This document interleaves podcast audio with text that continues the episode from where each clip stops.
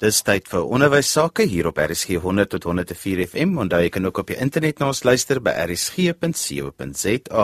RSG word ook op die DSTV se audiokanaal 813 uitgesaai. Ons gesels vandag oor twee onderwerpe. In die eerste deel van vandag se program gaan lê ons besoek af by die Deep Learning in Durban op Stellenbosch en in die tweede gedeelte gesels ek met Dr. Yuri Uber oor lewenslange leer en ook selfgerigte leer. Maar kom ons begin eers by deep learning. Daar was hierdie week 'n groot kongres op Stellenbosch, 'n deep learning in Durban en ek het met my mikrofoon daar gaan inloer. Goeiemôre, my naam is Stefan Gous. Ek is 'n navorser nou by Google DeepMind in Londen. Voordat was ek gewees by Google in hulle breinspan in Mountain View en toe ook in Londen. Ek het betrokke geraak by die deep learning in Durban so 2 en 'n half jaar terug toe ons begin het met dit en was betrokke gewees met die organisering van die eerste in Durban by Wits Universiteit. Hierdie jaar is ons tweede in Durban en ek is weer eens organiseerder en ek is betrokke hoofsaaklik by die ontwikkeling van die tegniese materiaal wat die studente gebruik om in die labs van die tegnieke toe te pas en uit te probeer en bietjie mee te eksperimenteer en praktiese ondervinding op te bou.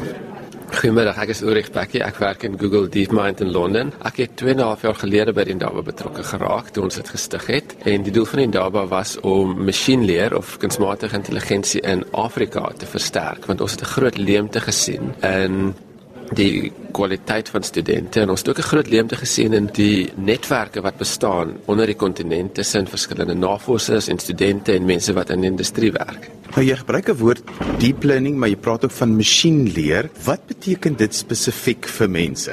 Daar is 'n klomp terme luisteraars wat alles onder die term kunsmatige intelligensie of artificial intelligence gekoppel kan word of gegroepeer kan word. Een van hulle is deep learning wat 'n tegniek is wat mense gebruik binne kunsmatige intelligensie. Gedurende die 1980s het kunsmatige intelligensie bietjie 'n slegte naam gehad want ons was nie so suksesvol soos wat ons gehoop het ons sou wees nie. En gedurende die 80s en 90s het mense dit machine learning of masjienleer genoem. Nou wat is die doel van hierdie indabe byvoorbeeld en hoe speel dit uit in onderwys en opleiding en die res van die land? Die doel van die Indaba is om die beste in die wêreld in die masjienleerruimte in die diepleerruimte te bring na Suid-Afrika. Wat gebeur het is ons het 'n paar jaar terug het ons agtergekom dat dit is baie moeilik vir studente in Afrika om die tipe blootstelling en net moontlikhede vir netwerk te kry wat redelik maklik is vir studente wat in Noord-Amerika is of in Europa is. Hoofsaaklik as gevolg van die feit dat ons nie so baie navorsers het in Afrika wat werk in 'n ruimte nie, maar ook omdat ons so ver weg is van Europa en Noord-Amerika. So die doel van die Indaba is om 'n geleentheid en 'n ruimte te skep vir studente om te leer van die weste mense in die veld, om te netwerk met hulle, om hulle idees te toets en om onderrig te ontvang in hierdie baie belangrike veld. Nou julle het 'n week van baie min slaap agter die rug. Wat het hierdie week alles gebeur? Johan, hierdie week was sekerlik die mees volgepakste week vir studente wat kunsmatige intelligensie doen in Afrika. Ons het elke oggend 7:30 begin met koffie en die program het gehard hardloop tot 9:30 of 10:30 elke aand. Daar was films wat vertoon was in die aande oor AlphaGo. Daar was 'n klomp parallelle sessies in die aande om studente te mentor, om beter artikels te skryf, om te dink aan loopbaanontwikkeling. En gedurende die dag het ons 'n klomp topsprekers gehad van verskillende universiteite oor see, van Google, DeepMind, Microsoft, van Facebook en hierdie mense het almal gekom om plaaslike studente in Afrika te leer van die top tegnieke in kunsmatige intelligensie. Ons het ook 'n klomp baie goeie leraars uit Afrika gehad om te help. En Stefan het al ons praktiese gereël en hy sal miskien 'n paar woordjies daaroor kan sê.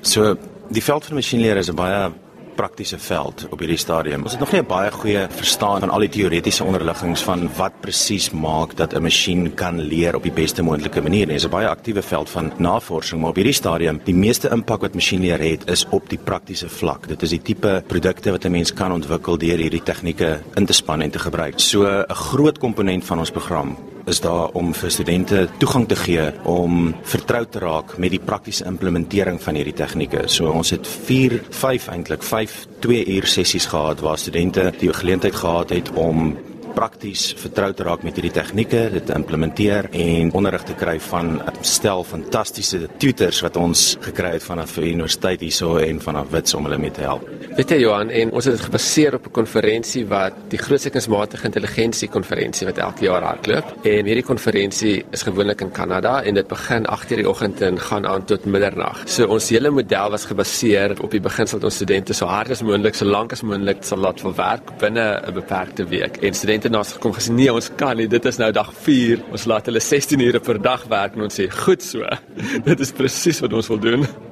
Nou masjienleer gaan onderwys en opleiding heeltemal verander eintlik onmiddellike toekoms. Dis nie eers meer om die draai nie. Die mense dink altyd hierdie goed gaan nog vir jare vat voor dit geïmplementeer word. Dit word alreeds geïmplementeer. 100% korrek. Masjienleer in sy basiese vorm is maar net die veld waar ons bestudeer hoe om 'n stelsel te kan kry om te leer uit ervaring. Masjienleer gaan nie oor om robotte te bou wat die wêreld gaan oorneem nie. Dit is die veld van artificial general intelligence en alhoewel baie mense daaraan werk, die mees praktiese impak wat masjienleer het is in areas byvoorbeeld soos onderrig waar ons nou 'n era sien waar 'n mens online education het waar jy na iets soos Coursera kan gebruik om opvoeding te kry in 'n veld wat jy miskien nie toegang tot het by jou universiteit of op skool nie. Daar kan masjienleer toegepas word byvoorbeeld om kursusstrukture en silabusse te skep wat aanpas by die individu. Soos wat jy leer, so verander die stelsel die materiaal wat hy vir jou wys. Daai is 'n toepassing van masjienleer en dit is onder andere waar ek voel persoonlik dit gaan 'n geweldige impak hê want dit gee vir ons die vermoë om die kundige persoon uit die vergelyking uit te haal. Nie heeltemal nie, maar net in die mate wat nodig is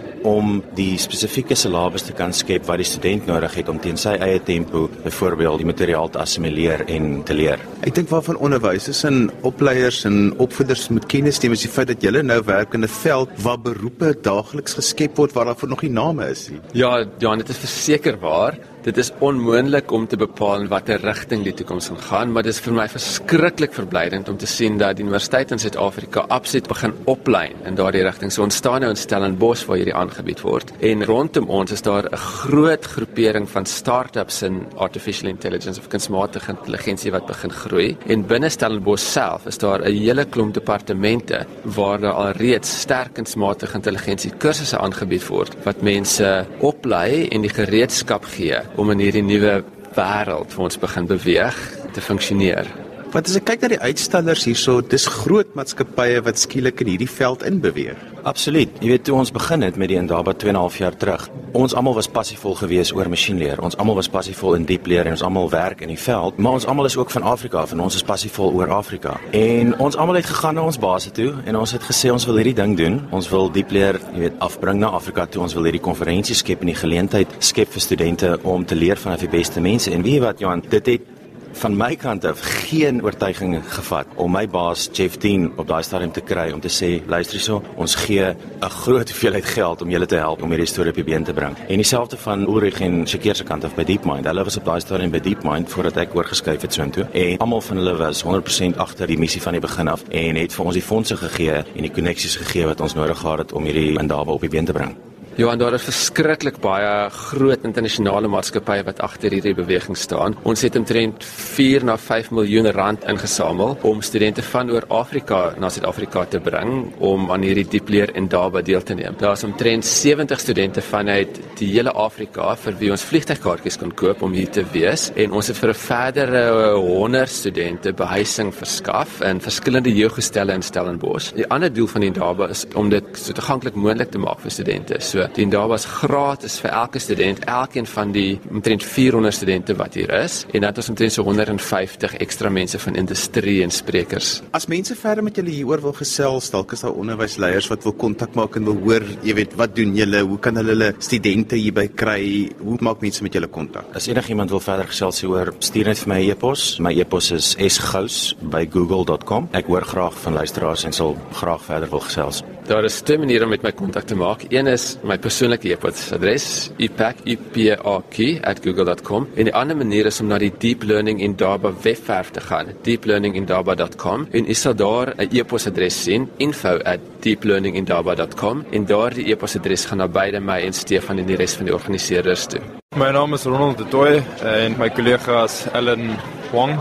Ons het maar basies net 'n idee voorgestel om e-learning baie meer persoonlik te maak deur om machine learning te gebruik onder andere om basies 'n uh, kursus meer persoonlik te maak, meer gespesialiseerd. Dit neem basies in ag wat jou vaardighede is in terme van spesifieke vakke as jy goed is in kalkulus maar nie so goed is in Engels nie, kan machine learning basies deur e-learning voorstel waarop jy meer moet fokus, waar jy klem moet stel en basies hoe om jou meer gehele algemene beter studente maak. Hoe voorsien julle gaan masjien leer onderwys en opleiding en leer verander? Ek dink daar's definitief 'n aspek van om dit meer persoonlik te maak. 'n Student sal nie net meer 'n student in 'n groot klas van 30 of 40 wees nie. Studente kan basies baie meer gefokus raak op spesifieke vakke. Ek dink ook die klem sal meer op rekenaarvaardighede geplaas word. Machine learning sal dalk op skoolvlak al basies aangebied word. Datawetenskap sal 'n algemene onderwerp wees wat bespreek word in skole en dit sal basies baie meer, soos ek sê, algemeen word in curriculum. As jy sopas ingeskakel het, jy luister na ons in die onderwys op RSG 100 tot 104 FM. Jy kan ook op die internet na ons luister by rsg.co.za. Onthou RSG word ook op die DSTV se audiokanaal 813 uitgesaai. Jy kan weer na vandag se program luister as 'n potgooi. Laai dit af by rsg.co.za. Volgende gesels ek met Dr. Yuri Joubert, bekende skrywer, historikus en natuurlik 'n onderwysopleier. Yuri vir onderwysers om passievol oor hul beroep te wees. Ja, hulle moet geïnspireer word, maar hulle moet ook heel heeltyd self ontwikkel in hulle vakgebied wat hulle metodiek betref en wat hulle elke dag in die klaskamer doen. Hoe kry 'n mens dit reg? Ek kan nie meer met jou saamstem dat dit 'n baie belangrike faktor is nie. Dit is tog vir my jammer op hierdie oomblik as ek rondom my kyk en ek sien nie afgaan net nie onderwysers wat vreeslike artikels publiseer oor wat in hulle klaskamer aangaan sodat ander onderwysers by hulle kan leer nie. Ek dink terug aan my eie opleiding as onderwyser by Onderwyskollege Wellington waar ou leermeester Piano Keer gesê het: "Julle as onderwysers moet ingestel wees om altyd te leer." Dit gesê is 'n kritiese komponent in jou groei as onderwyser en as mens. Vandag sal ons sê lewenslange leerder. Julle ekskuus, ek wil net gou vir jou iets daar vra. Wat vir my nogal belangrik is, is dat mense moet ook onderskei tussen lewenslange leer en om te gaan vir 'n opleiding, want opleiding aan onderwysers in Suid-Afrika het so 'n uh, amper wil ek sê 'n slegte nasmaak vir onderwysers gekry. Ons praat hier van iets heeltemal anders. Totaal anderste. Jy praat van 'n akademiese opleiding wat mense ook nie altyd weet hoe goed dit is. Die lewenslange leer is iets wat jy as mens ondergaan en vir jou as mens verbeter en ek moet dan soort van die vermoë ontwikkel om te weet wat gaan vir my professie of vir myself goed wees. Akademiese opleiding kan deel van lewenslange leer wees, maar dit is nie lewenslange leer op sy eie nie. Iets wat vir my interessant is hierdie, ek het myself nou besluit ek wil ook so 'n bietjie daarom ontwikkel en ek het nou vir 'n kursus ingeskryf wat ek dit nou op 'n rekenaar doen. Ek sien geen dosente nie, ek doen alles op die rekenaar en dit is my interessant wat se impak dit ook op jou algemene denke het om skielik weer iets heeltemal nuuts te leer van goed wat jy eintlik weet, maar jy leer dit op 'n ander manier en dit bring nuwe drade bymekaar en hoe dit jou dan net 'n bietjie ontwikkel in jou brein wakker hou.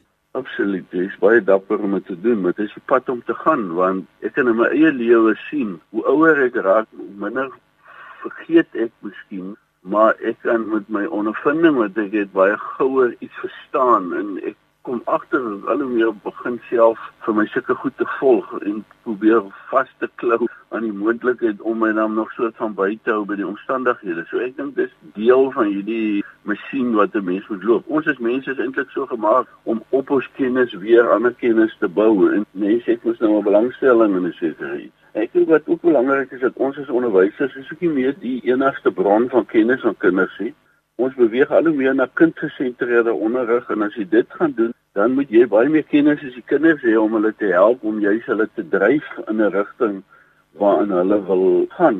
En ek dink om kennis te hê beteken nie eintlik veel nie. Dit gaan eintlik oor hoe jy die kennis moet ontsluit en daarmee moet ons self ons eie as 'n leerder verder ontwikkel. Nou, wat interessant is om eens gaan kyk waarom onderwysers lewenslange leerders moet wees in die terme wat ek en jy nou praat onderwys is altyd besig om te ontwikkel. Dink net wat het ontwikkel vandat ons begin lewe het en die onderwyser het ook ontwikkel. So dit ontwikkel dan so vinnig dat ons selfs beweer dat dit wat ons nou dink wat in 'n klaskamer gedoen word binne 5 na 7 jaar van nou af nie meer van geldig wees nie. Dink die tweede ding is dat uitdagings bly soort van ontwikkelend van aard. Tye het regtig verander. In die middel van alles, staan ek as onderwyser en hierdie vinnig veranderende goed moet ek kan aanpas en 'n werklike bydrae kan lewer. En daarom is lewenslange leer help ons om hierdie uitdagings werklik te hanteer. En ons moet meer toespit oor wat ons verstaan, hoe ons verstaan, wat ons meer weet en hoe ons meer moet leer. leer. Presies jou voorbeeld dat jy selfs besig is om jou te verbeter met die universiteitskursus. Leer moedig ook neuroplastiese ontwikkeling in jou brein aan As ons aktief lees en leer, kan ons die struktuur en die funksie van die brein verbeter of wat 'n ouderdom jy wil is. 'n Navorsing bevestig dit. 'n Duitse navorser Kesselring sê brains that have been trained are clearly different from untrained brains. Die stimulasie gaan verder as 'n Sudoku puzzle. Dit gaan oor om jou brein te kultiveer om sy maksimum potensiaal te bereik. En as jy dit doen, dan wys jy respek teenoor die massa kinders wat aan jou voete sit en waar jy nie net sê wat miskien in 'n handboekie staan nie, maar dat jy beter verstaan om hulle beter te verduidelik. Die hele kwessie van in die vierde plek na my mening is hierdie practice wat jy preach.